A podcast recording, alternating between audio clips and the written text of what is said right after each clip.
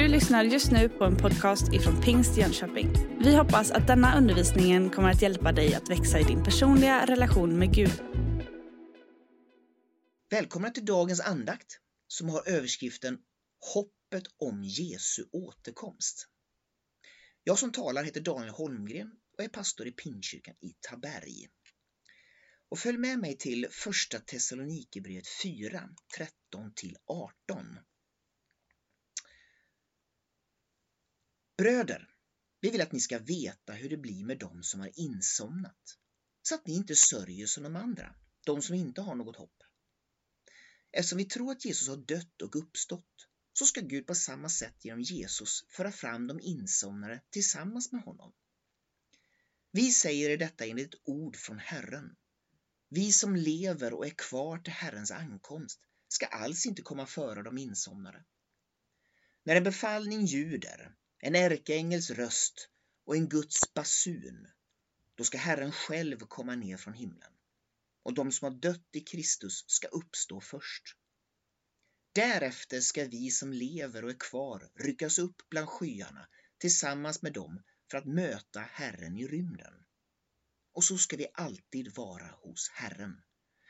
Trösta därför varandra med dessa ord. Ja, en spännande text som kan innehålla mycket. Det är viktigt att bena ut här så att man adresserar texten rätt. Han talar om ni, alltså de han skriver till, i motsats till de som inte har något hopp. Paulus skriver till de kristna i staden Thessalonike. Och om du är kristen, tror på Jesus och har tagit ett aktivt beslut att följa honom, då har du hopp. För Paulus skriver till de som har det i motsats till de som inte har det. Det kristna budskapet, evangeliet, handlar om hopp. Och det har varit temat för hela den här veckan som jag har haft andakterna. Och du som har det kristna hoppet, till dig är den här texten skriven för att du ska fortsätta ha hopp och att du ska ha tröst och uppmuntran. Inget annat. Paulus skulle inte ta upp detta om det inte fanns ett hopp eller något annat för framtiden Även om vi skulle vilja säga att framtiden här i världen som den ser ut nu kommer att bli bra, så är det inte alltid så det blir. Men det finns ett hopp som står över det. Ett hopp om evigheten. Ett slutmål. Där ska allt vara bra och det händer när Jesus kommer tillbaka.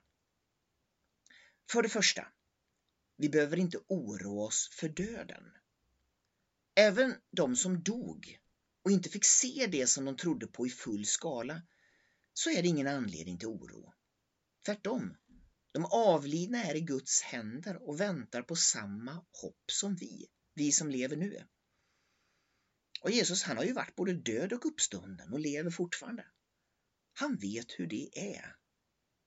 Därför gäller hans löften de döda såväl som de levande. Och sedan kommer ett ord från Herren.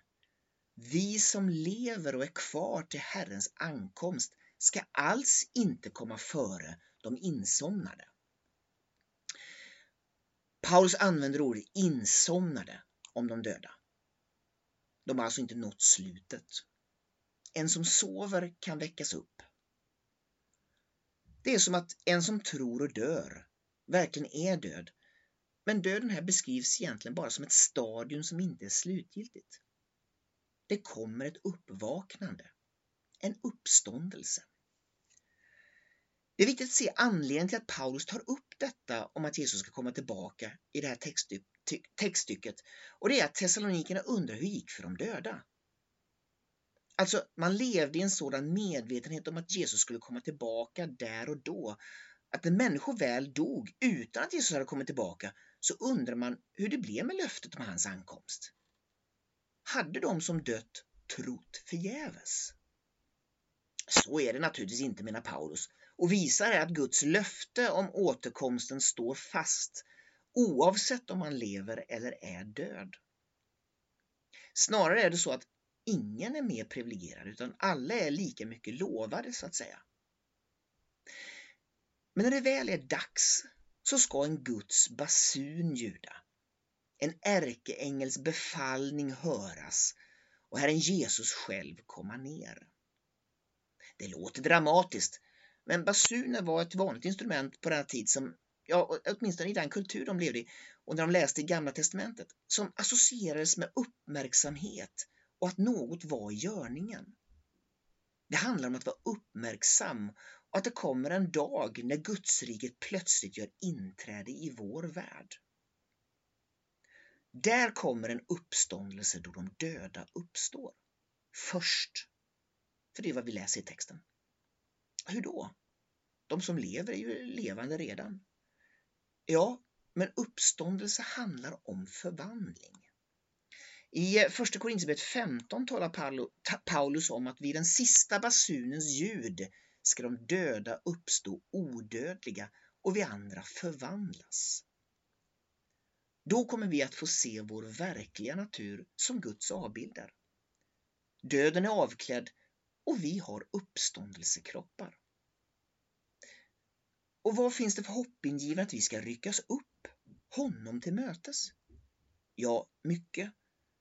För att vi ska få vara med honom. Och detta sker vid hans ankomst.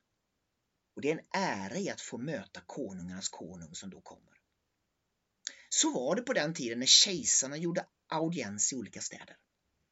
Deras besök planerades månader, ja till och med år innan faktiskt.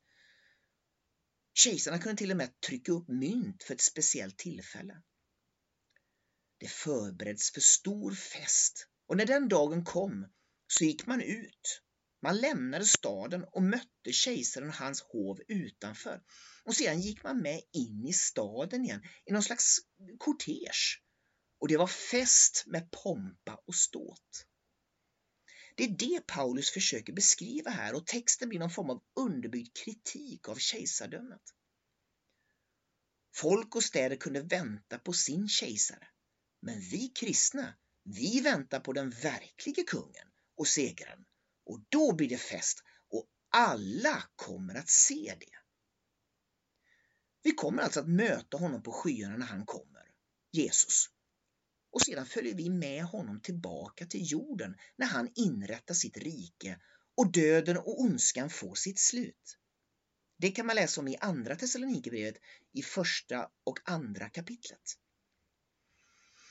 Och Paulus sammanfattar så i vers 18 att vi ska trösta varandra med dessa ord.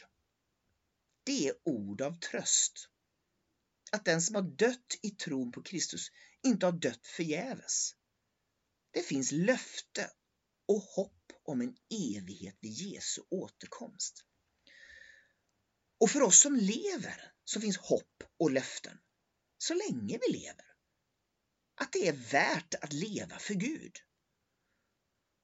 Och det finns hopp om att ingen makt, vare sig den är andlig eller fysisk, politisk eller ideologisk, som kan ta min tro ifrån mig. Och vilka löften eller storslagna ord som än kommer från den här världen, så finns en som är större. Och hans ankomst kommer att vara större än vilken kung, president eller kejsare som helst. Det kan ingen undgå och den dagen kommer vi att vara stolta och glada över att vi inte gav upp för då får vi bevis på vår tro. Det kommer vara festernas fest, galornas gala. Inget jubel kommer att vara högre än det som ljuder när Jesus stiger ner från himlen. Det är inte någon liten fest i en avkrok. Det är mörkret och ondskan som kommer att förvisas till en avkrok, för de kommer att fly för Människosonens ankomst.